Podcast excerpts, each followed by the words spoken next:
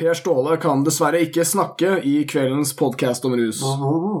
For han har munnen full av IFA, rusfolkets egen pastill. Anbefalt av Ivar F. Andresen for sangere, røkere og til og med sportsmenn.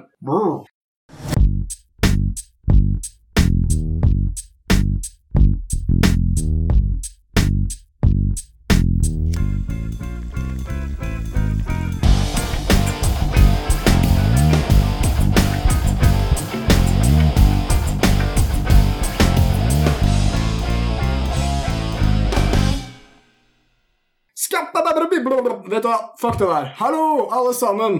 Velkommen til podkast om rus. Jeg er Bøffel Fusk. Jeg er Per Ståle Honning. Og i dag skal vi skatte hele kvelden. Nei, det skal vi ikke, for det er altfor gammelt til. Vi skal snakke om uh, rus som bare virkelighetsflukt, egentlig. Ja, og ja. dere kan som vanlig høre oss på Soundcloud, på iTunes og som bakgrunnsmusikk inne på soverommet med din kone når du kommer for tidlig hjem fra jobb. Mm, Ypperlig. Da hun eh, har seg med en svartbusset mann mens du står i skapet og ser på. Nei da. Eh, vi kjører på. Jeg tok temaet litt tidlig her. Uh, vi, vi har tenkt å ha en litt sånn deilig bablete Våse-episode. Filosofi heter det i de lærde sirkler, der vi vanker. Men vi skal snakke om virkelighetsflukt, og noen vil si det er det samme som rus. Og kanskje er det det, men uh, det skal vi finne ut i dag. Og så skal vi snakke litt rundt det der, om det er good or bad, f.eks. Det skal vi definitivt finne ut i løpet av dagen. Ah, gleder du deg, Per Ståle? Ja, kjempemye. For dette er liksom vår virkelighetsflukt. Det er å lage podkast, det. Ja, jeg eh, lager jo eh, tusenvis av timer med podkast som aldri blir sendt. Fordi den slipper ikke gjennom sensuren, som er min mor. Ah. Dette er for dårlig, Per Ståle. Jeg er skuffet over deg. Ja, ja, ja. Det er derfor hun aldri får lov til å høre på denne podkasten. For da ville jeg vært for fristet til å si eh, 'Se på meg nå, mamma! Se på meg nå!' Mm, har du alt gjennom. Ja. Men du får i hvert fall flykta veldig mye. Og hvor mye burde man flykte hele tiden eller aldri? Det er jo bare de to alternativene som fins. Vi skal finne ut av dette her, kjære lytter. Men jeg tenker at før vi kjører på med vår ekstremt dype filosofi, så tar vi litt uh, aktuell spalte. Aktuelt! Og i dagens aktuellspalte så skal vi ta for oss at den årlige undersøkelsen som heter Global Drug Survey, har jaggu kommet med tallene sine igjen. Ja, jeg tok Global eh, Drug Survey. Tok du? Jeg tok den sjøl, jeg. Ja. Du verden. Trakk ned snittet. Ja. Jeg skal, tok jo selvfølgelig og svarte nei på alt. Ja. Eh, Prøvd narko? Nei, jeg bare snakker om det. Nei, Jeg bare prøvde å tøffe meg, så jeg svarte ja på alt. Ja, men Da har vi jo nøyaktig jevna det ut. Vi kunne like gjerne gitt faen. Siden vårt rusmisbruk misbruk, Sa jeg det? Eh, bruk, Vår rusbruk er helt gjennomsnittlig. 50-50 på alt. Du svarte ja på alt, jeg svarte nei på alt. Der har vi det. Så ja, eh, Global Drug Survey, for de som ikke vet det, det er en undersøkelse der eh, hele verden deltar, da, forhåpentligvis. Eh, men stort sett er det USA og Europa. Rart med det. Og der blir folk spurt om veldig mye om sin egen rusbruk, men særlig det de har utført det siste året. Og han som har denne fantastiske studien, er en eh, kreativ liten røver som er veldig glad i å bombardere media med utrolig spennende tips om funnene sine. Som heter Ja, det husker jeg ikke. han har et eh, britisk navn, er en britisk mann, han er psykiater. i hvert fall. Ja. Stuff McTeason. Mr. Teason, han eh, Mr. T. Mr. T har alltid en god idé om at media burde skrive om Dette er da for denne uerfarne lytter, så dette er da et ordspill på uh, den eh, amerikanske uh, TV-kjendisen Mr. T med bare T. Men siden han her er brite, så heter han da Mr. T. Ah, Som, yes. som i T. Det er på en måte Ola Nordmann på Ja. britisk, ikke sant? Og han uh, Jeg vet at han bombarderer media, teppebomber media årlig med de fantastiske funnene. Se hva folk sa om seg selv. Mm. Men i år har han fått eh, voldsomt bra treff hos en avis som heter The Guardian. The Guardian. Hvorfor glemmer jeg det hele tiden? Og The Guardian de slo opp en artikkel som da Det ser bare ut som en svær reklame for sopp. Hmm. Sopp er det tryggeste rusmiddelet her ute, folkens. Det Kjempetrygt. Drittrygt!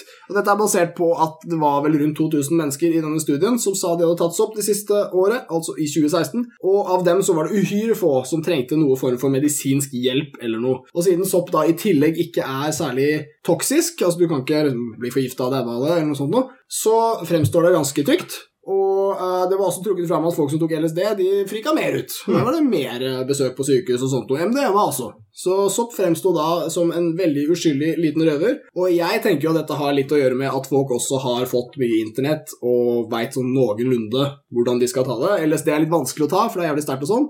Men eh, jeg tror folk kanskje begynner å bli litt bedre på trippet. Kanskje det? Eller at det er òg en kultur som tilrettelegger mer for at det er greit å svare på ting. Og bare la meg korrigere det litt. Altså, det er, punkt én, det er kanskje litt flere som bruker noe enn før. Bitte litt, Ja, kanskje. Hva vet vi om det? Eh, men det er òg det at nå er det en kultur både på nett eh, og i samfunnet generelt i Vesten der vi snakker mer om det, og derfor blir du mer eh, gjort oppmerksom på sånne undersøkelser. Ja. Så den sprer seg lettere, du får flere deltakere, og så får du mer dokumenterbar statistikk. Ja. Eh, Men det er vel statistisk signifikant òg, ikke det? Jo da, det var det jeg vet ikke hva som er grensen for, eh, for deltakere før det blir eh, Ja, nei, det, det, utvalget skal i hvert fall gjerne være over 2000 mennesker. Mm. Hvis du skal ha den, den grunnivået, da. Ja, at du liksom Her har vi en gjeng! Her har vi en god gjeng! Ja, og Det er det kule med den stunden her, at det er jo såpass mye folk at du kan si noe om bare sopp i 2016, f.eks. Det er litt kult. Det skal han ha, denne gale, gale Mr. T, som samler empiri på årlig basis og sier at alt er spennende. Men her er det faktisk eh, noe som er verdt å ta tak i. Eh, I denne artikkelen til eh, The Guardian der var det også nevnt at uh, det som var vanlig å skje da, hvis det gikk gærent med sopp, det var at man fikk bad trip, men denne bad trippen den var ikke så ofte så sterk uh, at man uh, oppsøkte lege eller helsehjelp. Men det som også ble trukket fram, var en annen studie der også 2000 mennesker hadde deltatt. Noe sånt som sy- eh, 7 hadde hatt bad trips på sopp, og 9% hadde måttet oppsøke psykolog etterpå for å liksom bearbeide det som hadde skjedd. Men eh, av alle de 2000 som hadde vært med, så var det 84% av de som hadde hatt bad trip, alle sammen hadde det, som sa at det hadde vært til fordel for dem i livet. Altså senere. 84 Det betyr at kun 16% av alle bad tripperne sa at det, jeg burde ikke ha tatt sopp. Jeg burde ikke ha gjort det. 84 var glad de gjorde det. Ja, og da kan, da kan man jo begynne å filosofere litt rundt hva slags type folk det er som eh, Det man. virkelig ikke burde spist sopp. ja. Det er, eh, det er, det er 16 det er, ikke, er ikke bare bare. Nei, det er jo Det er folk. Det er jo sikkert Hvis du skal makse det opp, så er det noe sikkert noen landsbyer som hadde røket med i England. 2000 mennesker, det er, det er jo 300 folk da, som Mm. eh, aldri burde ha tatt sopp. Nei. 2000. Tenk litt på det, du. Kjære lytter som har kjempelyst til å ta sopp og ble skuffa nå. Egentlig ikke skuffa, tenker jeg. Du, kommer nok til å ta mer sopp. det er det som skjer med Guardian-artikkelen nå. Folk leser den, og det var en lang reklame for hvorfor sopp er awesome. Ja, I, i den artikkelen ble det vel også lagt fram det at eh, det som gjorde at folk friket ut, var frykt for mental endring, eller frykt for at du skulle bli sånn for alltid, Ja, basically. ja. Classic Patrick. Ja, som òg er artig fra et uh, rusbrukperspektiv, der man da ser at veldig Altså, det, det knytter seg jo inn i en lengre ting man har med flere andre rusmidler, om at noe av de verre bivirkningene man får, er alltid assosiert med at du er redd for konsekvenser som ikke nødvendigvis trenger å komme. Ja. Du lager masse problemer. Det er jo Noia på hasj er jo veldig tett knyttet opp til sånn at man er redd fordi at det er farlig og det er forbudt. Og, Ja, ja. Altså det, at man tenker på at politiet kan, kan begynne å banke på, selv om du aldri har sett en politimann hjemme hos deg de foregående 20 årene av livet ditt. Ja, ja. Jeg vil jo anta at hvis de friker ut på hasj i Nederland, så er det kanskje ikke det at porti kommer de friker mest ut på. Nei, nei, nå er det kanskje at det ikke er mer hasj igjen. Ja. Eller altså, jo, nei, jeg har skuffet familien min, for de vet jo hva hasj er. for Jeg bor i Nederland, nå har jeg tatt det. Faen. Ja, kan-. Kanskje fordi de er nederlendere, og nederlendere er litt sånn freaky. Ja, Sånn det er jo freaky årsaker. Ja, De sånn- friker ut, de òg. Men de er ikke redd for snuten, da. ja, sånn Du sitter der og er stein nederlender, og så kommer du på herregud, vi har jo ikke noen nasjonal identitet i Nederland. Vi er jo bare fulle nordmenn. Ut på hasj. Herregud, hele landet ligger under vann. Ja. Hva faen skal vi gjøre? Vi kommer til å drukne i egen Helvete. Vi trenger en liten gutt med klogge. Tre tulipaner nå. Uh, men ja, det var altså verdt å google den. Uh, Global Drug Survey uh, Mushrooms. Les litt om det. Les om hvordan The Guardian-ansatte i redaksjonen i langt større grad enn podcast om rus går ut og sier 'dritbra drug'! Kongedrug! Kjempebra! Gå og gjør det. Men de gjør det basert på statistikk, og da er det greit for en redaksjon. Men jeg syns det er fett. Jeg liker The Guardian. Ikke noe diss herfra, men spenstig artikkel. For. Men uh, bare, bare, bare for å eh, snakke pitt litt mer om eh, Global eh, Drug Survey når vi første gang. Hvor, hvor lenge har de holdt på? vet du det? Ja, det er i hvert fall fem år. Ja. Uh, det begynner å bli Ja, det kan være lenger, jeg husker ikke, men det er i hvert fall fem. Men uh, altså, hva, hva er det som er målet med det? Altså, det, sånn generelt, altså, hva, hva er bakgrunnen for selve eh, undersøkelsen? Altså, er det, er det fra en organisasjon, eller er det fra Altså, hva er Ja, altså, Det er en slags organisasjon som har blitt opprettet for å lage studien. Men Mm. ellers er det på en måte bare han fyren som er founder, da. Som er uh, mannen bak. Og jeg tror målet hans har vært å lage og få en slags global oversikt over hvordan folk bruker rus. Men Mm. selvfølgelig blir det jo mest Vesten som driver med dette som kulturell quiz-greie, da. Ja. Ja. Du trenger jo litt sånn kulturell kontekst for å få det til å funke, tenker jeg. Ja, og selv om det kanskje ikke er hele verden som deltar, og selv om det ikke ble så veldig globalt som man kanskje skulle håpet, da, så er det tror jeg også noe av målet hans var, det er i hvert fall resultatet, er at man får fulgt rusmidler fra år til år. Mm. Altså, hvor, Hva var det som skjedde med sopp i 2016? Det er på en måte det den Guardian-artikkelen handler om. Og så kan du se litt på speed og sånne ting, og så kan du også gå og få statistikken uh, sortert etter nasjon, sånne ting. Så kan du se hva, hvordan det går i ditt land. Hva er det folk driver med her i år? Så det er ferskt og fint og ja, representativt og, osv. I hvert fall stort sett, da. Noen land er det altfor få som er med, så de må skjerpe seg. Men nei, dette er bra. Vi burde jo kanskje hatt flere sånne. Ja, Du skulle kanskje hatt noen statlige òg? Ja, det kunne Staten, staten, staten. Ja, er det uinteressant dette her? Jeg syns ikke det. Nei? EU, EU har et bra altså EMCDDA er jo deres narkotikaorgan. De gjør en del sånne ting. Men eh, statene i seg selv er ganske skitt på det. Skjerpings, staten. Prøver å stå foran speilet noen gang og si staten fem ganger, men han eh, dukker aldri opp bak meg. Det er bare en idé Mm. i hjertene våre. Yes, nei, Da skal vi videre på vårt ekstremt konkrete og ikke i det hele tatt våsete tema virkelighetsflukt.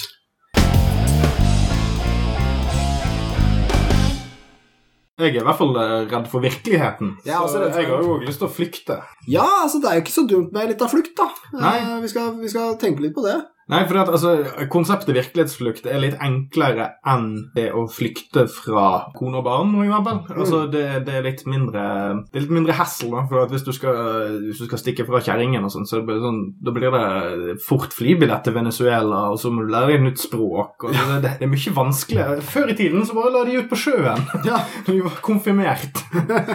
ble de antastet av fulle sjømenn i fem år, og så kom de hjem igjen, og så var de menn. Dette er bra, for det, det vi snakker om nå, er en sånn ordentlig virkelighetsflukt. Der tar du på en måte ditt fysiske legeme og flytter av gårde ut på havet og whatever.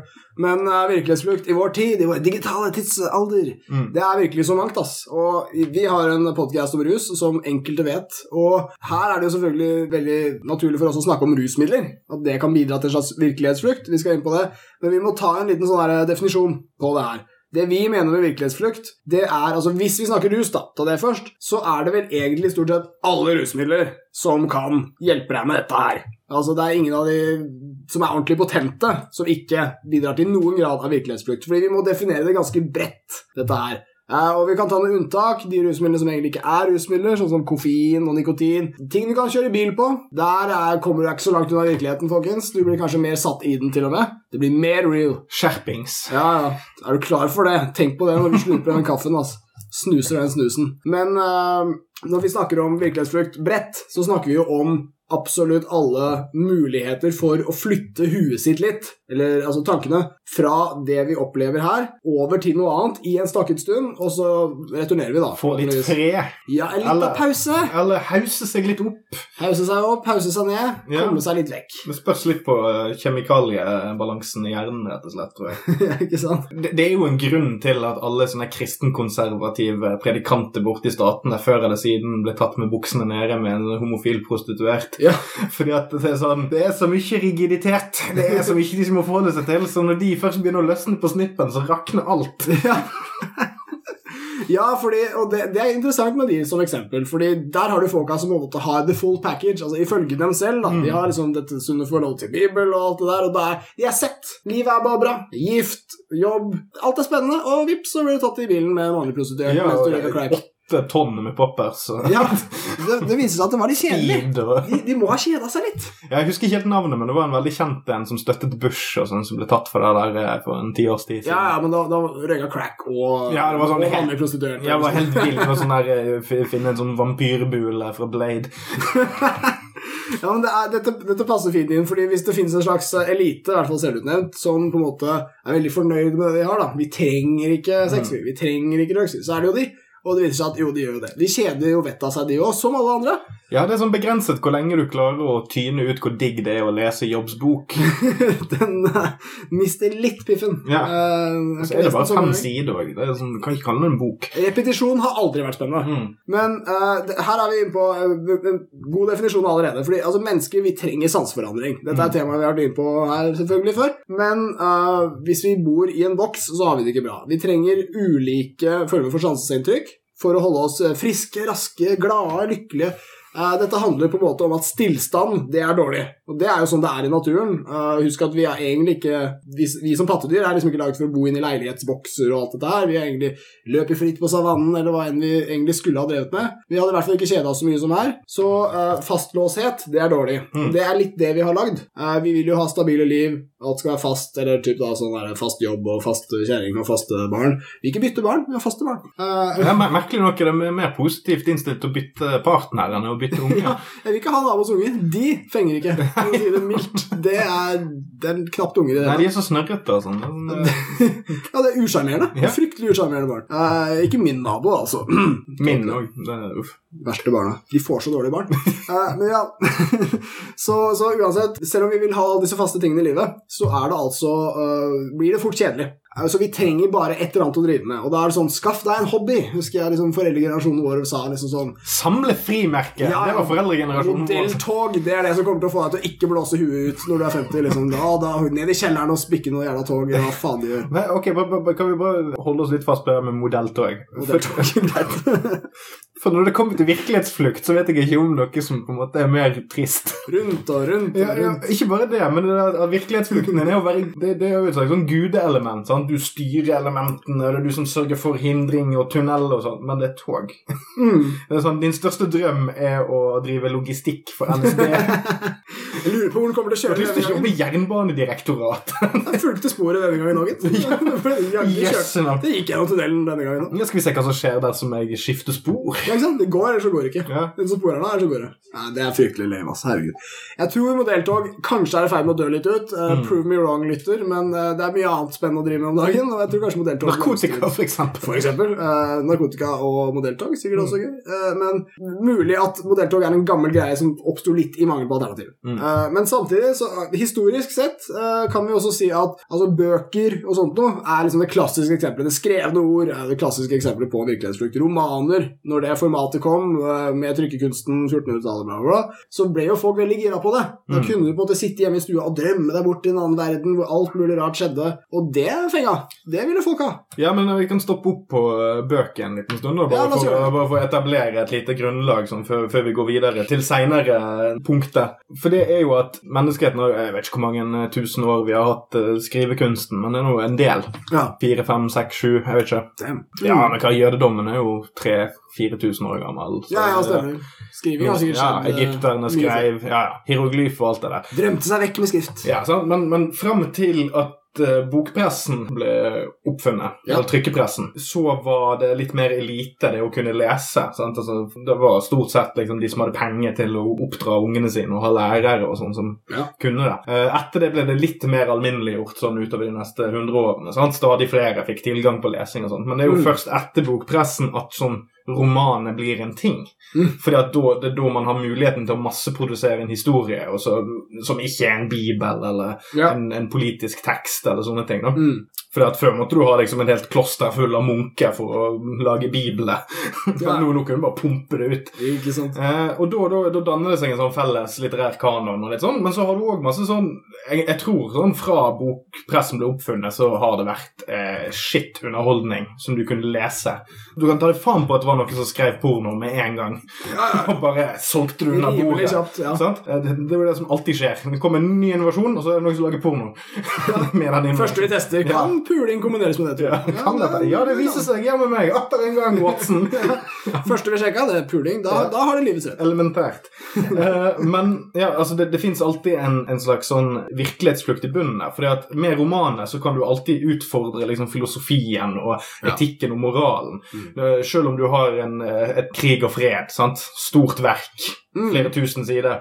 Men det, det utforsker det menneskelige og, og, og personlige forhold og maktstrukturer. Altså det, du kan alltid det å lese den romanen, en, en sånn de facto Ja, der, ja, du er en dannet mann, du som leser Krig og fred og Dostojevskij og det hører på Tsjajkovskij og alt det der. Ja. Det er bra virkelighetsflukt. Dette utfordrer hjernen. Ja. Eh, men så har du folk som sitter og leser en eller annen pamflett om eh, Buffalo Bill som skjøt noen indianere i eh, Vesten på 1800-tallet. Sånn. Mm. Lavkultur. Veldig basale behov. Det er stort sett en slags virkelighetsflukt. At du, at du liker å tro at du kunne vært som Buffalo Bill, eller du kunne vært en eh, Vill Vest-mann, sant? Ja. Uh, Morgan Kane, den typen ting. Kioskromaner. Så innenfor trykkekunsten så kan vi i hvert fall bruke det. Ok, der har du virkelighetsflukt, som liksom er anerkjent som bare det. Ja. Uh, altså lett lesning, Morgan Kane, uh, kioskromaner. Og det kan òg trekkes over til andre sjangere, rusmidler, en del andre ting. Ja. Så det vi tenkte i denne episoden, var jo å se hva er det som er den anerkjente måten å flykte fra virkeligheten på. Er det en positiv ting, er det en dum ting? Ja, ja, ja. Hva, hva vet vel vi? Ja, vet vel podkasten rus. Det men jeg, jeg er veldig med på det, og jeg hadde bare lyst til å nevne Skyte inn en roman som jeg husker fra mine dager på universitetet. Og det var, eh, det var Thomas More, som han Mm. het, som skrev en bok eh, ganske, ganske tidlig i opplysningstiden, eller hva det nå var. Ja, det var det. Og han som het Utopia, Ja. og han levde under Henrik den 7., om jeg husker rett. Åttende. Åttende, takk. Sjuende var ikke noe viktig. Mm, Nei. Det var åttende som var viktig. Det var han som var uh, aktuell her. Og Utopia er en roman om noen som bor i et annet samfunn der ting er veldig annerledes enn i Henrik den åttendes England. Mm. Så folk kunne da på en måte drømme seg vekk, og han kunne kritisere kongen uten å kritisere kongen ved å skrive en roman. Bruke dette spenstige nye formatet og rett og slett bare drømme alle vekk og få dem til å hate kongen litt sånn indirekte. Uh, Subversiv som faen. Utrolig nok så ble han drept, gitt. Uh, ikke sånn voldsomt bra. Men folk digga boka hans, og de drømte seg vekk. Og, og vi har bare fortsatt med det der siden. Og vi gjorde det før òg, og vi kommer til å fortsette å gjøre det igjen. I dag har vi jo masse annet enn bøker. Det er naturlig å trekke inn sånn TV-spill, eller altså absolutt alle slags elementer. Musikk, film, bla, bla, bla. Jeg vet ikke hvor lang den lista hadde blitt. Ikke bare de tingene individuelt, men òg samlet i en mobiltelefon eller på en datamaskin. Ja. Altså, vi har tilgang på alle disse tingene hele tiden. Mm, ja, Sånn For 15 år siden så kostet det 500 kroner for et dataspill. Ja, Så du måtte spare eller, 600 kroner, og du måtte ha en egen maskin. Og du måtte ha, sant? Men hvis du er casual i dag, så kan du ordne deg film og spill og musikk på én plattform hele tiden. Ja, fy faen. Og Vi er nødt til å ta noen av de litt negative sidene med denne greia her også etter hvert, men hvis jeg skal ta en positiv, og det blir mange av de, eh, så er det altså at eh, virkelighet, eh, virkelighetsflukt For meg, jeg tenker på det litt som at man kanskje kan holde seg inspirert på en annen måte. Og inspirert, det klarer jeg å knytte til liksom god helse, eller noe sånt. Hvis du er inspirert, så har du kanskje lyst til å gå en tur, holde deg i bevegelse, basically oppføre deg sånn som mennesker bør gjøre for å ha god helse. Mm. Altså Hvis du sitter stille, hvis du er kjempedeppa, eller sånn, så har du bare lyst til å sitte i ro inni hula di, kanskje spise masse feit mat, kanskje gjøre ting som gjør at helsa di gradvis synker. Så virkelighetsflukt kan på en måte bidra til å holde våre liksom, litt vel stabile liv da, i, eh, eh, i en sånn levelig status ved at de holdes i bevegelse. At vi rett og slett hele tida kan få en break fra det som begynner å bli litt kjedelig. Eller drepende, tungt, eh, ensformig, et eller annet. Eh, eh, bare en mulighet til escape. Det betyr ikke at jeg leser bøker hele jævla dagen, men hvis jeg trenger boka, så er den der i hvert fall. Mm. Bare, bare for å trekke kjapt tilbake igjen bare poeng med Thomas More og, og subversivitet. Og, Oh, yeah. sånn. Så er jo det som det er litt interessante med sånne klassiske virkelighetsfluktsting som en TV-serie eller dataspill, og sånn, eh, det er jo det at det kan være ekstremt banalt, men det kan ha subversive trekk ved seg som enten er intendert eller uintendert, som Mm. er ganske interessant. Altså Som i at en sånn eh, poproman, eller sånn, sånn young adults-roman om eh, altså så, ta eh, Hunger Games og den typen ting. sant? Altså Det er jo helt tydelige bøker som tar for seg en veldig klar klassekamp. Ja, ja, ja. Bare i, i en mye mer ekstrem variant med veldig dystopiske trekk. sant? Så det er veldig lett å avfeie det som bare flås. Mm. Eh, men det sånne ting kan en opp med å gjøre, er å trene opp en hel generasjon med folk til å tenke på én gitt måte. Du kan, du kan snike inn tankesett. ja. ikke, ikke nødvendigvis hjernevask, men du kan introdusere konseptet, som f.eks. klassekrig eller klassekamp, Mm. gjennom popkulturell, sånn lett fordøyelig underholdning. Mm. Uh, og det syns jeg er spesielt interessant. Det er det samme med dataspill og rusmidler, spør du meg. Ja. Eh, Ja, definitivt. Og jeg tror det er noe rart med mennesker. Vi, vi er veldig gode på dette her. Vi er gode til å visualisere, og vi er gode til å uh, leke med tanker. da. Så vi, vi trenger ikke alltid å bli så forvirra. Jeg husker fortsatt hva jeg tror hvor jeg bor, men jeg kan tenke at jeg er en annen person, og det går på en måte fint. Jeg kan Mm. bare kødde med det. Vi har den mentale kapasiteten til det. Men jeg husker jo også fra barndommen, da, hvis vi kan ta det. Så personlig i hvert fall, så var jeg mye flinkere til å visualisere ting når jeg var barn, og det er jo sikkert fordi man er veldig søkende og er liksom ikke ferdig støpt i formen sånn som jeg er nå, som en kjedelig voksen dust som bare prøver å se for meg noe, så blir jeg litt sånn Sånn er det jo ikke. Det er ikke sånn jeg, jeg trenger en bok, jeg trenger noe, noe hard musikk, et eller annet som kan sjokke meg ut av denne møkkavirkeligheten jeg lever i. Men som barn så skulle det liksom ingenting til. Hvis jeg klarte å tenke det, så kunne jeg se det for meg. Og da så jeg det som en slags sånn indre film, en sånn sterk visualisering. Eh, per i dag så har det blitt litt borte, og derfor er virkelighetsflukt kanskje en litt sånn der, en litt sånn voksengreie. Mm. Eh, noe vi trenger. Barn, barn er midt i det, de. De leker romskip og aliens og sånn i sandkassa. De. Det klarer de helt fett. Vi derimot, vi må banke i oss drugs og spille Sonic the Hedgehog og eh, høre på hardrock samtidig. Mm. Da snakker vi. Men ja, det har jo med når sementeringen skjer, på en måte. Jeg ble jo nostalgisk når jeg var tolv. Jeg var ikke like kult som da jeg var elleve. Pika av elleve. Ja, elleve, det var perfekt. Nå begynner det å bli litt shitty. Ja, nei, men jeg, Så- jeg innser den. Det var litt seinere for min del. Ja, men, men bare for å trekke litt sånn videre ting ut fra den nostalgien, for det er litt det det gjelder. For det er så mange som det er en del som klager på, f.eks. Vi, vi er rundt 30, så vår generasjon har på en måte blitt kritisert for å være sånn her evig barnslige, og vi snakker om voksenpoeng og sånn. sant? Og, og i dag, i dag betal, jeg, jeg fikset skatten tidlig, jeg. Oi, oi, oi. Og du verden, selvangivelsen. Åh, voksenpoeng.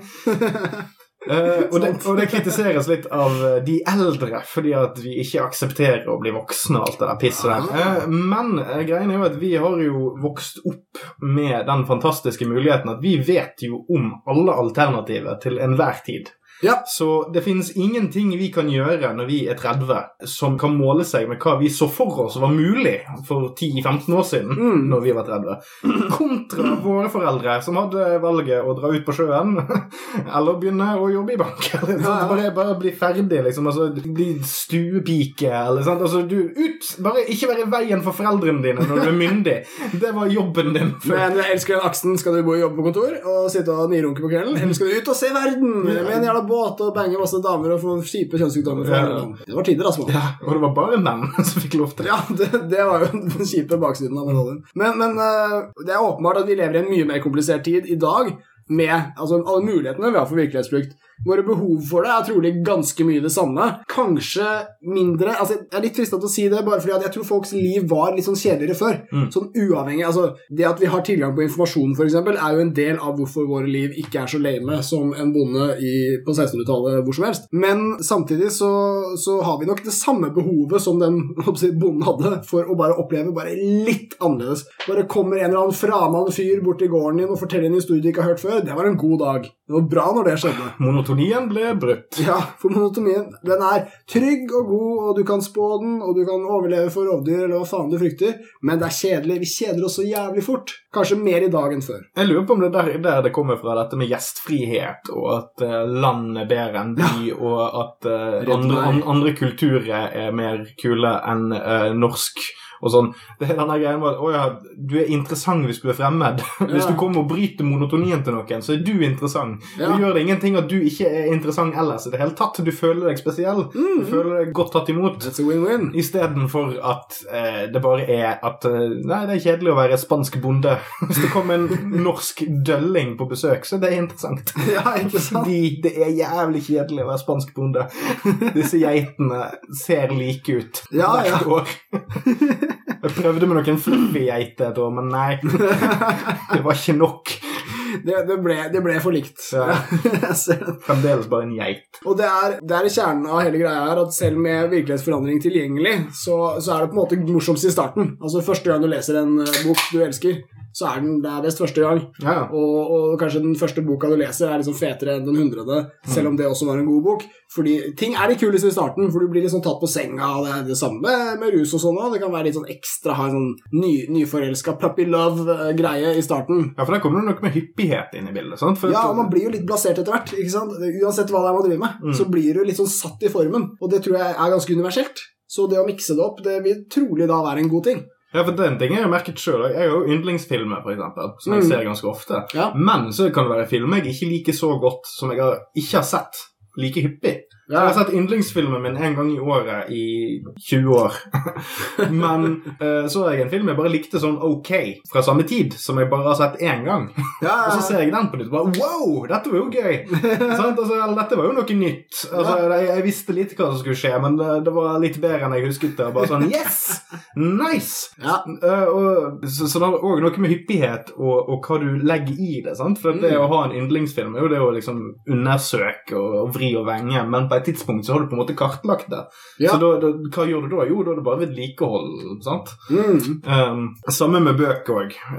bøker tar litt lengre tid, da, så det er litt mer investering. Men uh, det fins jo folk som leser en bok en gang i år òg. Så ja, ja, ikke sant? Og som sikkert får mad ut mye ut av den. ja. Fordi det er så sjelden de leser. Mm. Sånn. Kanskje de får ekstra hard trøkk ut av det. Men øh, jeg tror at man, øh, man har liksom behov for å stimulere fantasien. Kanskje fantasi er et bra ord her. Mm. Eh, barn er gode på det. Voksne er mer sånn fantasiløse idioter. Men når, bare for å ta det med, å bli gammel, da, siden vi har dratt barndommen inn i dette hvis du har, eh, Det har vært studier med, med gamle mennesker. Hvis du innreder huset deres sånn som det var når de var unge, så oppfører de seg yngre. og sånn. Mm. Eh, Så det handler jo også litt om at når vi er unge, så er vi veldig utforskende, og vi har noe nytt hele tida. Vi får aldri nok. Det er helt kaos. Og så blir det mindre og mindre og mindre av det. Og når vi er gamle, så er det litt sånn sånn alt som er nytt, er skummelt. Og, og, og det er en del av det å bli gammel. En del av det å liksom råtne vekk fra verden. Så hvis vi vil ha evig liv, så burde vi bare fortsette å druse på med sanseuttrykk. Det er òg eh, tidlige stadier av Alzheimer. Det er det også litt sånn Mm. eh, Det som forsvinner først, er de sosiale rammene du har lagt på deg de siste eh, 50 årene. Ja. Så en av effektene kan være det er Nå ikke jeg en lege, så vidt dere vet.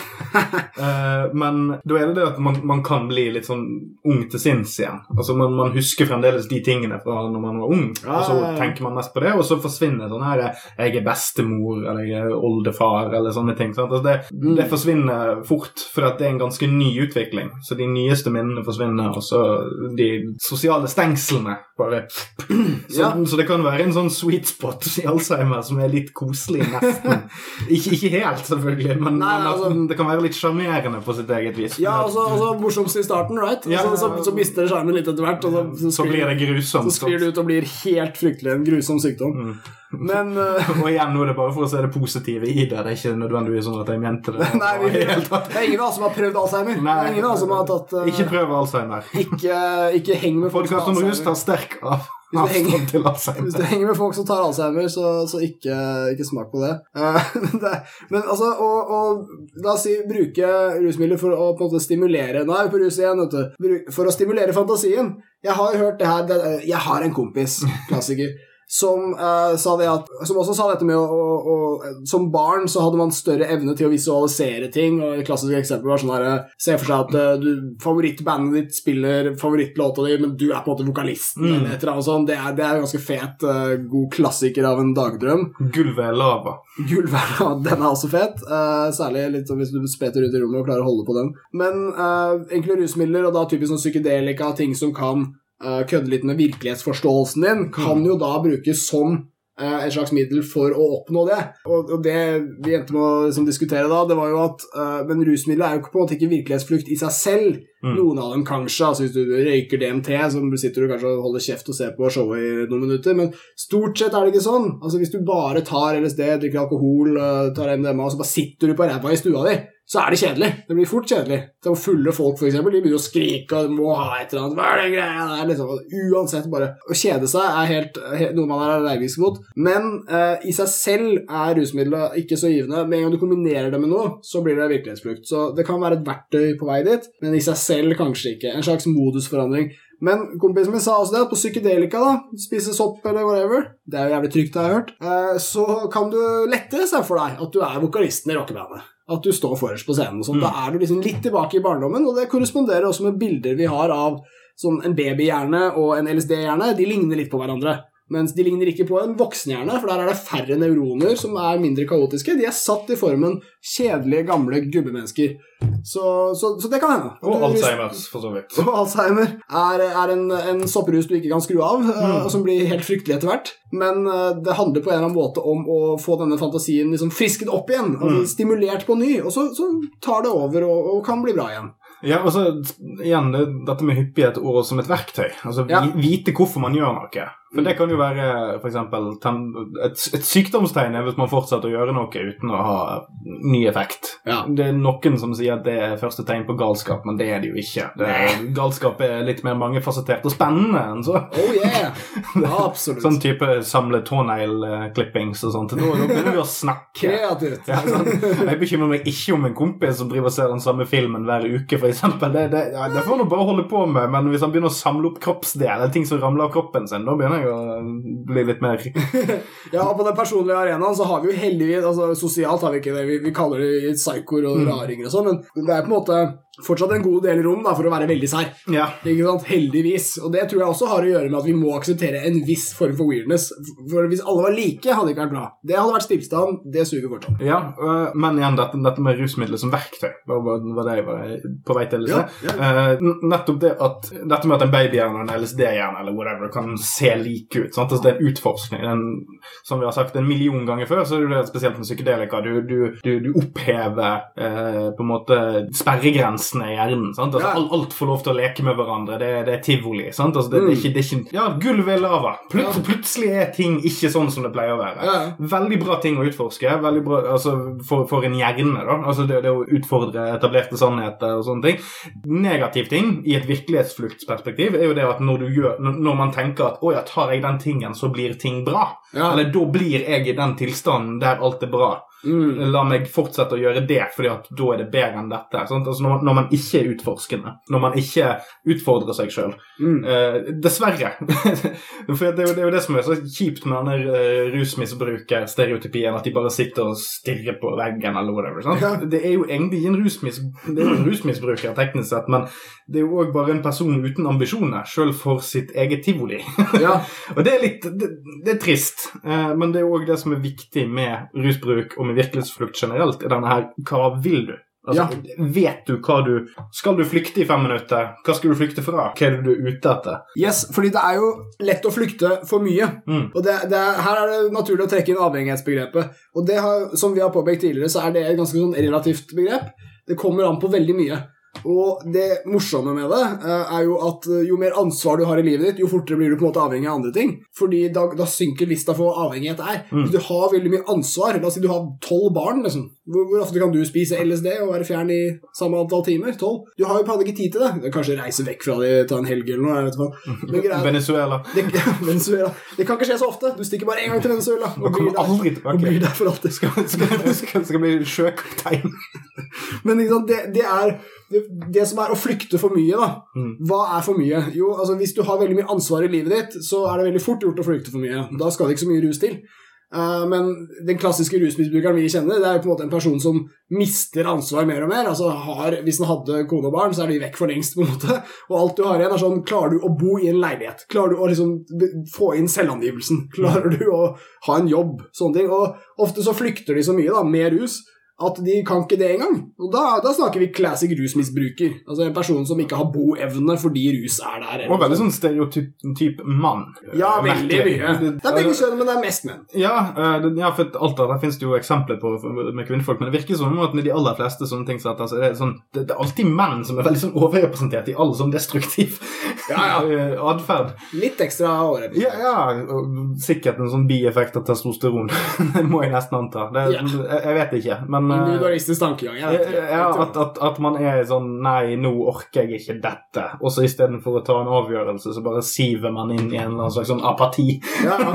Det var noe som skrev at altså, menn har, Hvis menn har Dette er jo veldig generaliserende, men en individualistisk tankegang, så innebærer det at de er på en måte alene mot verden. Mm. Altså det er meg mot verden. Og da, det blir fort en fight som er litt sånn ukul, da. Du dør veldig fort i det spillet. Ja, det, du kommer ikke til å vinne mot verden. Ja. Og Og da er det game over. Da er det faen meg game over.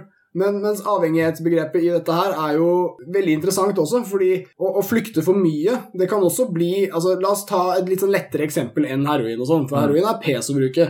La oss ta TV-spill eller noe. Det er veldig mange mennesker som, som spiller TV-spill, og de spiller ofte sånne sosiale ting. Større industri enn eh, filmindustrien, eksempel. Damn, det er ikke verst. Mm. men la oss si at vi tar disse interaktive spillene der folk har sånne nettsamfunn og sånn. World of Warcraft. Der er det veldig mange retninger du kan gå med deg. Det Mm. mange, mange ting å bli avhengig av hvis du er sårbar for den slags. Det store, ja, men det er store verdener. Men uh, det er òg det at det er, det er i ramme. Det er i ting som er utforskbart uh, uten konsekvens. Ja.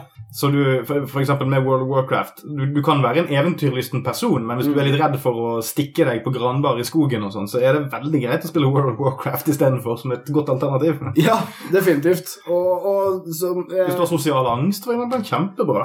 Ja, og jeg husker du har nevnt det før at eh, når de har målt på en måte, hva er det folk blir hekta på med rus og sånn, Mm. I forhold til spill, Mm. så er jo det veldig nevrologisk likt det mye av det som rusmidler gjør. Mm. Veldig ofte sammenlignes det i studier med sånn type kokain og dopamin, for der har de så mye målinger. Ja, men det, men utløs, det finnes type dataspill som utløser serotoninnivå og dopamin, Ja.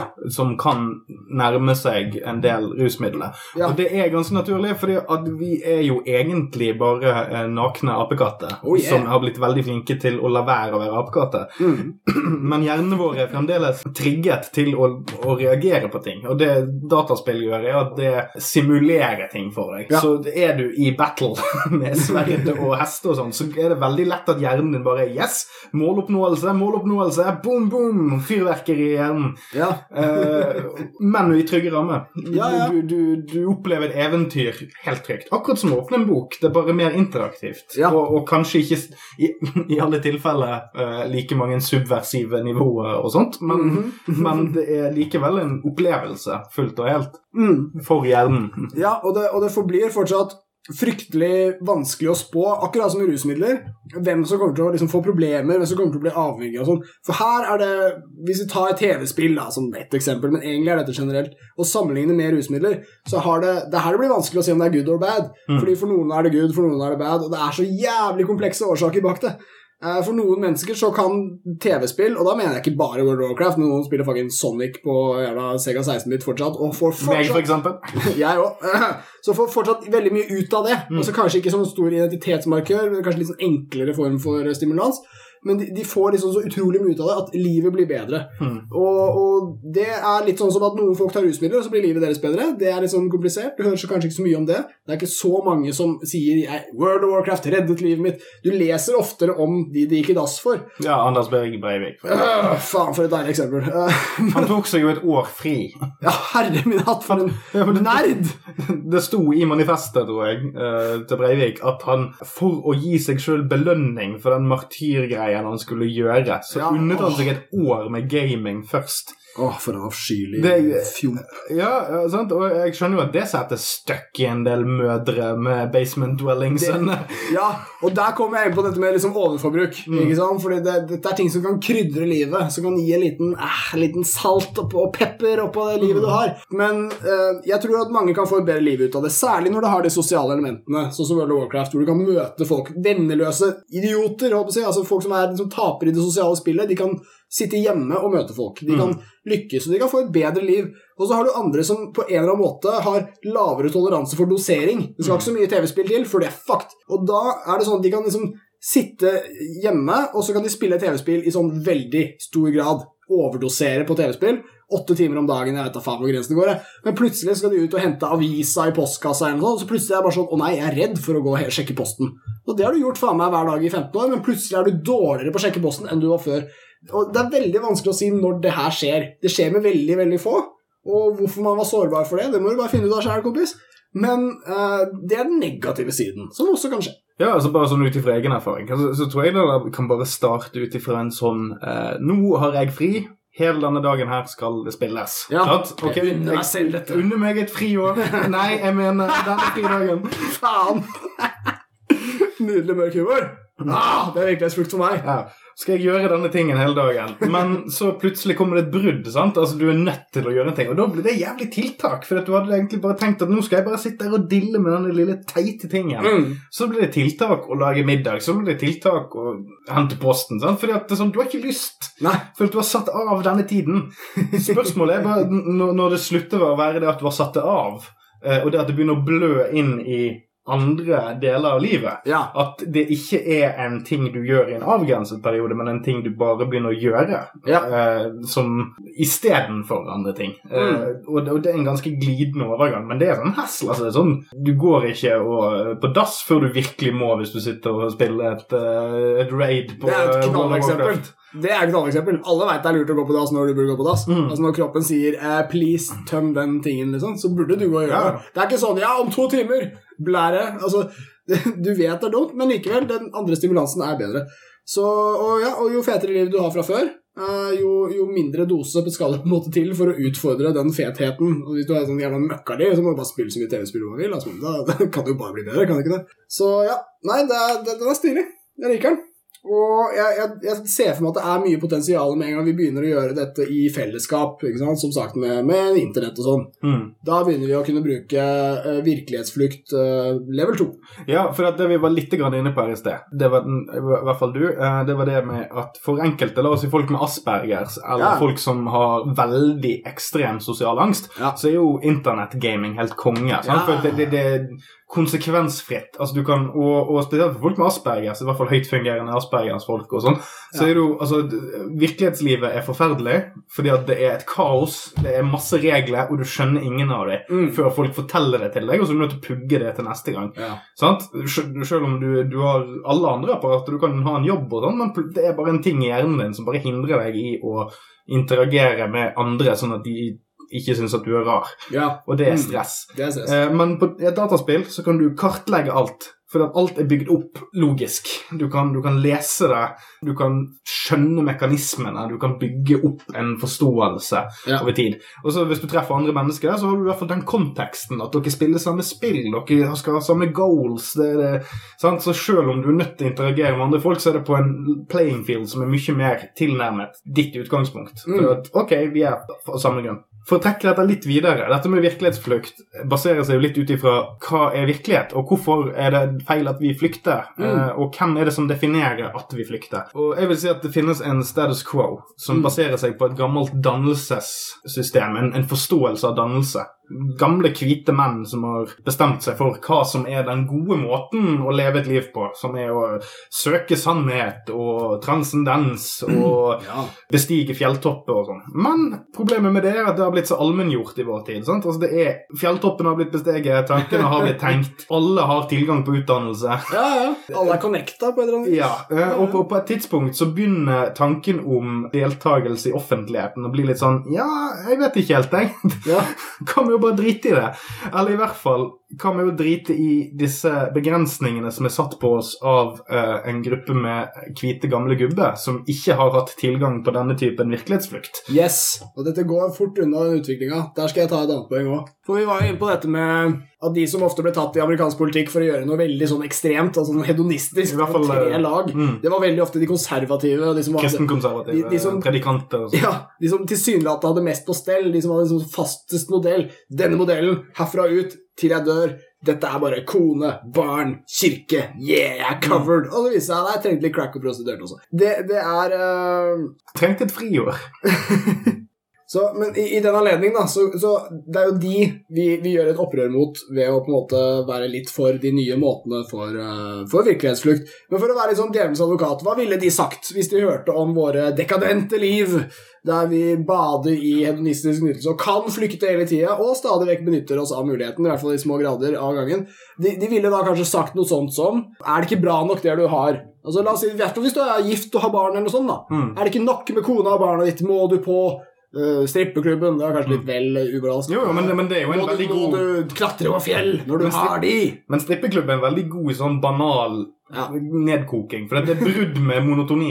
Ja, ja. Det, det er ikke internettporno, det er ikke kone og barn. Ja, og det er en helt absurd estetisk opplevelse. Ja. Du går inn på strippeklubb, det er en annen verden, og det er en fucked up weird verden. Ja, eh, jeg, jeg ble redd. Ja, jeg ble også helt satt ut. Jeg kan ikke tro at dette er en ting som er vanlig. Jeg, må, jeg står for at um, en ting som jeg, burde være lovlig og Ja, få lov til å være åpne for alle. Ikke min greie i det hele tatt. Men, Nei, det, eh, jeg tror ikke vi får stengt dem, altså, men for det er banalt. For det er sånn her Å, sex er rett oppi trynet ditt! Akkurat rett Pulle, foran pule, pule! Men så er ikke det det. Men Nei. her er det sex, Egentlig men egentlig ikke. Ja, skikkelig smak av fake sex. Se på all sexen! Kjøp en champagneflaske til denne sexen! men, men altså, hvis jeg skulle svart denne ekstremt moralske, sinte, hvite konservative mannen som spurte meg er det ikke nok Nå er ikke jeg gift og har barn, da, men la oss si jeg hadde det.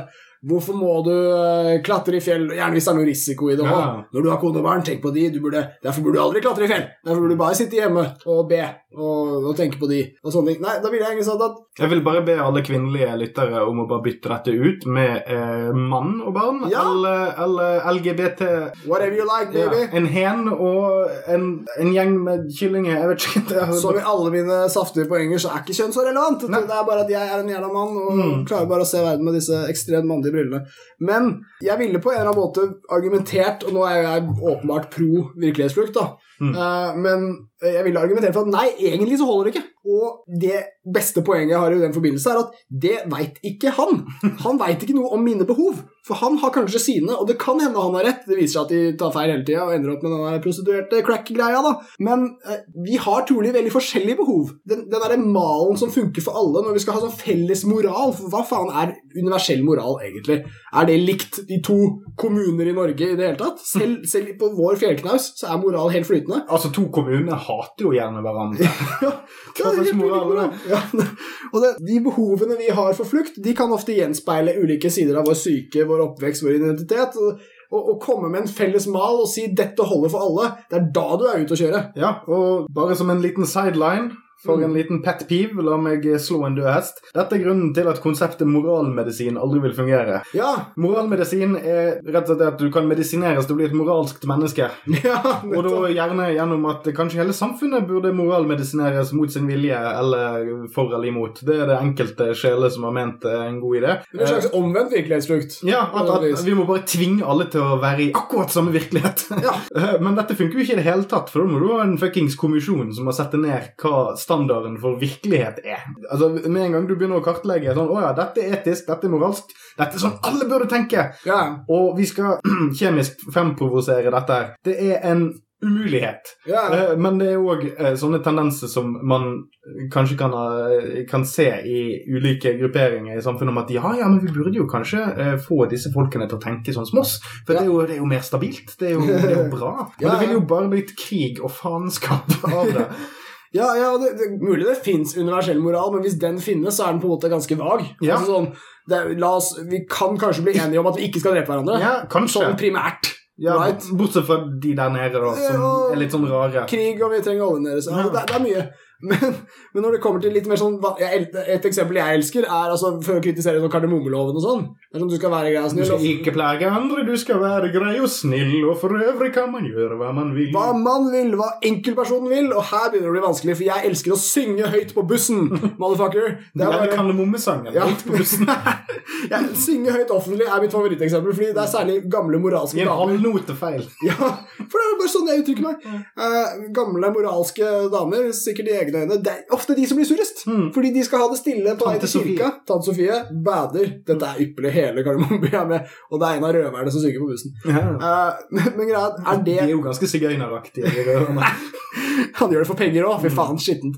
Men er dette moralsk? Er det umoralsk? Det er veldig vanskelig å svare på. Og hvis du skulle lagd en eh, pille eller whatever du skulle putta i vannet, da, så skulle alle liksom bli moralske av det, så ville det uansett ført til at vi fikk en mal som var fast. Og da hadde vi til, vært tilbake på dette med stillstand, der utviklingen bare slutter. For Grunnen til at moral endrer seg sånn noenlunde hele tida, og at det også fins berettigede drap Se, selv drap ble plutselig lov. Uh, det er fordi at dette er ting som er i bevegelse. Virkeligheten står ikke stille. Alt er i utvikling.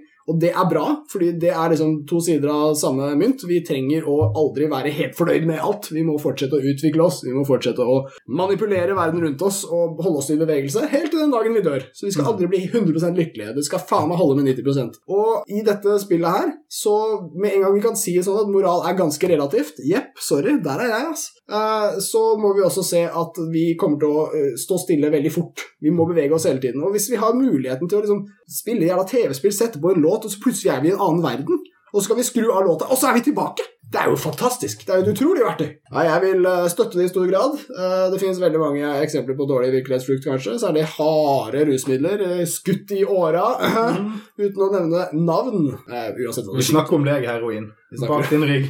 Skitne gamle tøs. Men egentlig alle former for sprøyter er kanskje et eksempel på at eh, da rømmer du litt hardt. eh, skjønner du. Ja, og jeg, jeg må ta en eh, Jeg føler vi har bygd opp mot det siste teknologien har å by på. I virkelighetsflukt, baby. Og det er uh, virtual reality. Det er allerede Det er litt sånn kaos i Silicon Valley om dagen, visstnok, for ingen veit hvilken av disse modellene som er best. Det er sånn fem-seks modeller som alle er ganske bra, og så har du det med mobilen, du kan bla, bla, drite i det. Eh, men jeg har prøvd dette her. Det var jævlig fett. Det er, du setter på deg hjelmen, og så er du i et annet sted. Mm. Samtidig som du er i uh, en skitten kjeller. Det var det På en måte en parodi på hvordan folk som ikke ruser seg, tror at rusmidler fungerer. Ja, det er Og plutselig var jeg i Yellow Submarine. Ja, for rusmidler er jo i motsetning til hva de tror, ikke så oppslukende. Eh, Det er bare en liten sånn variasjon, typ, mens dette her er hele endringen. Her er du fysisk Unnskyld, helt feil å si fysisk. Alt annet er fysisk et annet sted. Mm. Og i denne verden har jeg prøvd å liksom spraye graffiti. Det føles helt likt. Sprayboksen var lik. Veldig rart at de har fått til disse detaljnivåene så bra. Men uh, her kan du gå i naturen, du kan kjenne den blå himmelen, du kan kjenne sola på huden, du kan øve deg på å interagere med folk, folk kan date hverandre, masse vakre ting. Og så tar du av hjelmen, og da er det psykedelisk som faen, for da går du fra den verden, og så tilbake til den mørke kjelleren du var. Hmm. Og så er det første gang du tar av hjelmen, så får du litt sånn sjokk. Når jeg var på og prøvde virtual reality, så var det andre folk som prøvde det òg, de fikk liksom sånne klipp hvor de var i en verden, og så kommer plutselig et tog og kjører på deg og sånn. Og den ene dama heiv av seg hjelmen, og, han som eide hjelmen, klikka, for den er kjempedyr. Men, men hun hadde jo dødsangst. Ja. Altså, det er ganske, ganske god unnskyldning. Men dette er et fantastisk verktøy. ikke sant? Altså Med dette her så kan uh, folk med sosial angst møte hverandre. Uansett hvor du er i verden, så kan du være et annet sted. Og virkelig føle at du er et annet sted. Ikke bare sånn litt, ikke sånn 'jeg er Sondik akkurat nå'. Nei, nei. Fullt og helt tredimensjonalt være et annet sted. Et av de vakreste brukene jeg har sett av det, det var en fyr i England som reiste rundt i sånn bitte små masse sånne små rare byer. Sånne her basically landsbyer med Mm. sånn torg og sånn noe dritt. Og han har bare stått der og filma, fordi du tar sånn 360 graders filming, og så går du litt rundt, og så blir det et klipp som du kan uh, Putte inn i, Ja, som du i hvert fall kan se deg rundt. putte inn i programmet. Ja, dette er basic, så det er ikke sånn at du kan gå rundt, men det er sånn at du kan se deg rundt. Google Street View. Ja, nettopp. Bare at du tar på deg hjelmen, så kan du se alle retninger, og så er, responderer den sånn at du føler du er der. Så dro han på et gamlehjem og, og ga det her til sånne gamle damer og sånn, som har ligget i senga i mange av dem sånn kanskje 30 år, og veldig lenge. Og mange, av de blir liksom rørt med en gang, for de får se barndomshjemmet sitt og sånn. Og da begynner vi å snakke om en virkelighetsflukt til noe ekte. Mm. Altså, De var der en gang, og nå er de separert fra det, og så fikk de komme tilbake. Og de ble helt satt ut, hele gjengen. Tenk at det går an. Og den teknologien her, for meg, eh, jeg skjønner at det er skummelt. Det er flere som reagerer på det, at kanskje det er litt mye dette her. Kanskje vi nå kommer til å bare slutte å leve og bare bo i kjeller alle sammen, og heller gjøre dette. Det er bare en forlengelse av dataspill, men med flere Ja. lag. Det, Ja, og dataspill har allerede wreaked havoc på våre samfunn. Ja. Vi har, vi har isa inn til dette her, altså. Ja. Vi, er så, vi er ikke så tatt på senga. Ja, for dette, altså den generasjonen som kommer til dette i bruk, er ganske savvy på Mm. eh, virkelighetsflukt. Ja. På sitt beste så er dataspill det at du blir sittende og ser på det så lenge, og du er så inne i det du er nødt til å gjøre i dataspillet, at du glemmer at du sitter i en sofa og har en kontroll i hånden. Mm. Eh, virtual reality er egentlig bare en forlengelse av det, at du, at du bare gjør det at den fysiske følelsen av å være i en sofa forsvinner med en gang. Ja, du begynner med det. Du begynner et Ja, ja, sant, altså, du- Idet det der i gang, så er det Sant? Altså, du, du bare kutter ut intensiveringsprosessen. Sant? Yep, Altså, du bare hopper over et par steg. Så selvfølgelig, men, men igjen, jeg tror, jeg tror det der er en ting som kommer til å kutte Altså Folk som ikke liker det der, kommer til å bli separert vekk med en gang. Altså De, de kommer jo aldri til å gidde å ta det i bruk. Ja. Så jeg tror at det er bare sånn som appellerer til omtrent samme brukergruppe. Mm. Kanskje, kanskje tilgjengeliggjøre det for flere. Av nettopp det du nevner med at det kan plutselig ha en medisinsk effekt, eller i hvert fall en pleieeffekt, eller en omsorgseffekt. Ja, som verktøy får det utrolig mange muligheter etter hvert. Men jeg tror ikke nødvendigvis at det kommer til å endre samfunnet. Det kan hende noen mennesker bare kommer til å koble livet helt ut, men de hadde trolig vært sårbare for å gjøre det også med billigere teknologi. Ja, men, ja, men altså, bare se for deg en Supermann-simulator med virtual reality. Det er jo en type tilbud som man aldri egentlig trodde man kunne gi. Ja. Det, er jo det, det finnes en sånn berg-og-dal-bane som prøver å gi deg det der. Ja. Sant? Altså En illusjon av, av, av det å fly og sånn. Men dette er jo da det nærmeste man kommer eventuelt. Sant? Altså den der, Ok, du kan kanskje simulere til med det. Du kan Ja. begynne å liksom oppfylle en del sånne opplevelser som menneskeheten har tenkt på siden de så fugler for første gang. sant? Yes, ja, ja, absolutt. Og tror, grunnen til at jeg ikke tror dette kommer til å ta helt over samfunnet, og sånt, det er fordi at vi allerede har masse ting som veldig mange folk liker, men som folk likevel ikke bruker hele dagen på. Og bare for å sammenligne med rus, da. posten. Ja. Men for å sammenligne med rus eh, bare for å ta, det, altså, ta et rusmiddel som mange folk liker. Uh, weed. Altså, Mm. Det er mange som har røyka weed. Veldig mange har erfaringen. Og så spør du dem liksom, kunne du tenke deg å gjøre dette her ti timer om dagen. Nei. Nei, De aller fleste kunne ikke det. Det blir veldig mye styr. Ja, det er, og har en del andre ting. Maxig Det er også andre ting som Mm. må gjøres i dette livet. Altså. Så jeg, jeg ser for meg at eh, det kan bli en ting som vi alle har prøvd, og alle sier wow, det er weird, det er stilig, og så kanskje det får oss til å tenke litt, grann, og så Mm. kanskje det får oss til å sette litt pris på den dritten vi har. Og ellers så kan det brukes av folk som vil gjøre gamlinger glade, og folk som vil kurere sosial angst, og folk som vil prøve å ha virtuell sex og alle det pisset der. Så for meg er det et fantastisk verktøy. Og da prøver vi å rappe opp vår utrolig smarte episode med en liten avrusning, selvfølgelig. Avrusning! Og vi begynner avrusningen med å skjære gjennom litt det vi har snakket om her. Eh, før vi skal prøve å svare på om virkelighetsflukt er good or bad. Bra, dårlig eller noe midt imellom? Åh, jeg veit allerede at lytteren blir sykt skuffa, for de liker jo ytre punkter. Ja, ok, Men uansett, virkelighetsflukt kan gjøres med basically alle drugs, kanskje ikke de du kan kjøre bil på. Mennesker trenger sanseforandring, for det å være fastlåst, det er stort sett dårlig. Men uh, nå kom jeg på en bra formulering på det. Hvis du spiller for jævlig mye Warcraft, eller noe whatever, så blir du fastlåst der, si. Det er det, så det er ikke bra med fastlåst. Visualisere ting er en fin måte å komme seg litt vekk fra livet sitt. Barn er jævlig gode på det, voksne er ikke, så kanskje vi har et eget lite behov for virkelighetsflukt, siden vi er så jævlig lame. Eh, avhengighet kan inntreffe når man flykter for mye. Hvorfor man vil gjøre det, det må du faen meg ta og finne ut sjæl, kompis, for de fleste gjør ikke det. Virkelighetsflukt kan holde våre liv levelige med at de kan gi oss inspirasjon, som de kan få bedre helse, f.eks. Ja, og Bare for å ta en liten eh, anekdote fra min eh, barndom, Oh, yeah. eller ungdom, eller hva du skal kalle det. Eh, Da hadde jeg en eh, kompis som eh, bodde i et kollektiv som satt og spilte jævlig mye Warcraft. World of Warcraft. Og, Er det han uh, Anders? Nei, ok, ikke mer av det. Nei, nei, av det. han hadde et slavisk klingende navn. Ja, og Der, ja.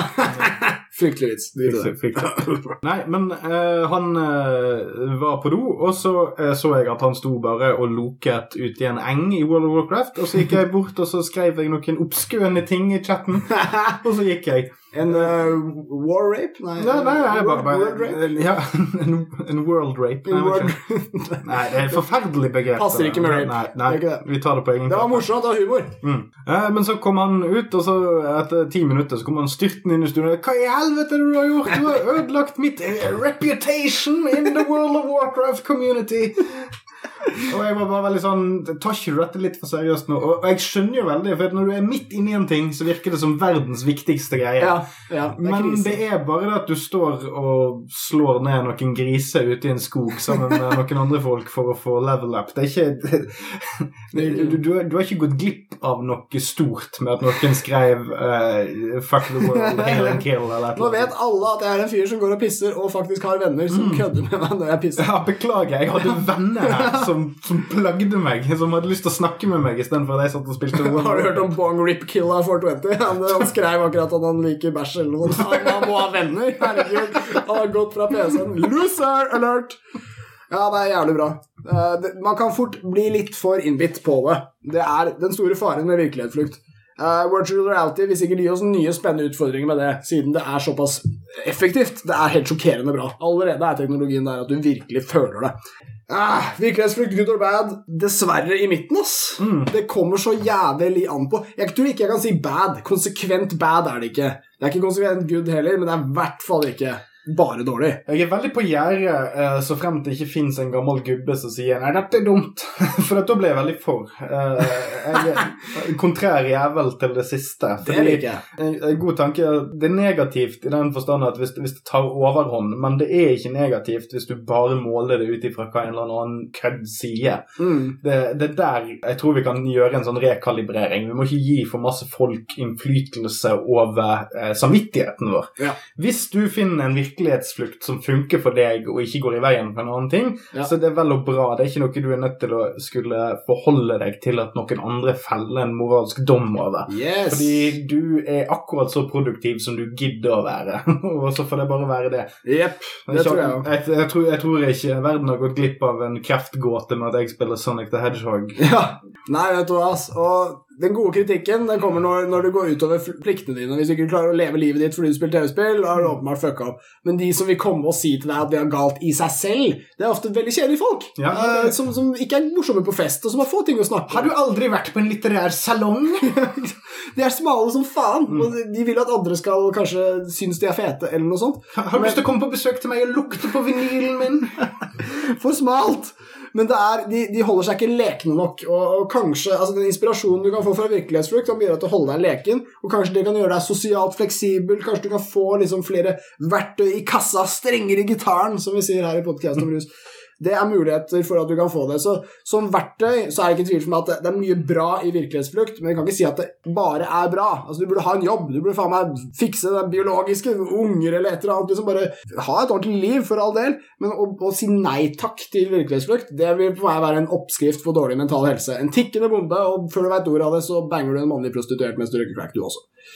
Eller bruke det på World of Warcraft. Eh, og så skjer det noe fryktelig etterpå. Eh, men ja, virkelig. Eh, det er dessverre helt i midten. Jeg går for mer good enn bad Mm. på virkelighetsflukt. Jeg gjør det. Og det er fordi jeg er en rusliberal motherfucker. Jeg syns folk bare skal ta ansvar for seg sjøl, kjenne seg sjøl. Hvis du blir avhengig av dataspill, eh, avhengig av Coca-Cola, jeg snakker til deg, Davy Vatne, så burde du faen meg finne ut hvorfor det skjedde med bare deg. Det er veldig få det skjer med. Og det er ikke andres ansvar, det der, ass. Hvem vet hva folk egentlig liker? Hvem vet hva folk egentlig trenger? Det må du finne ut sjøl. Men å ta hele virkelighetsflukt og si uh, bad, nei, da går jeg heller for good.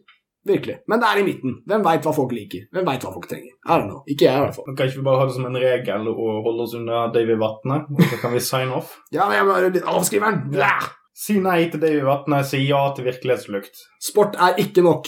Takk for meg. Takk for meg.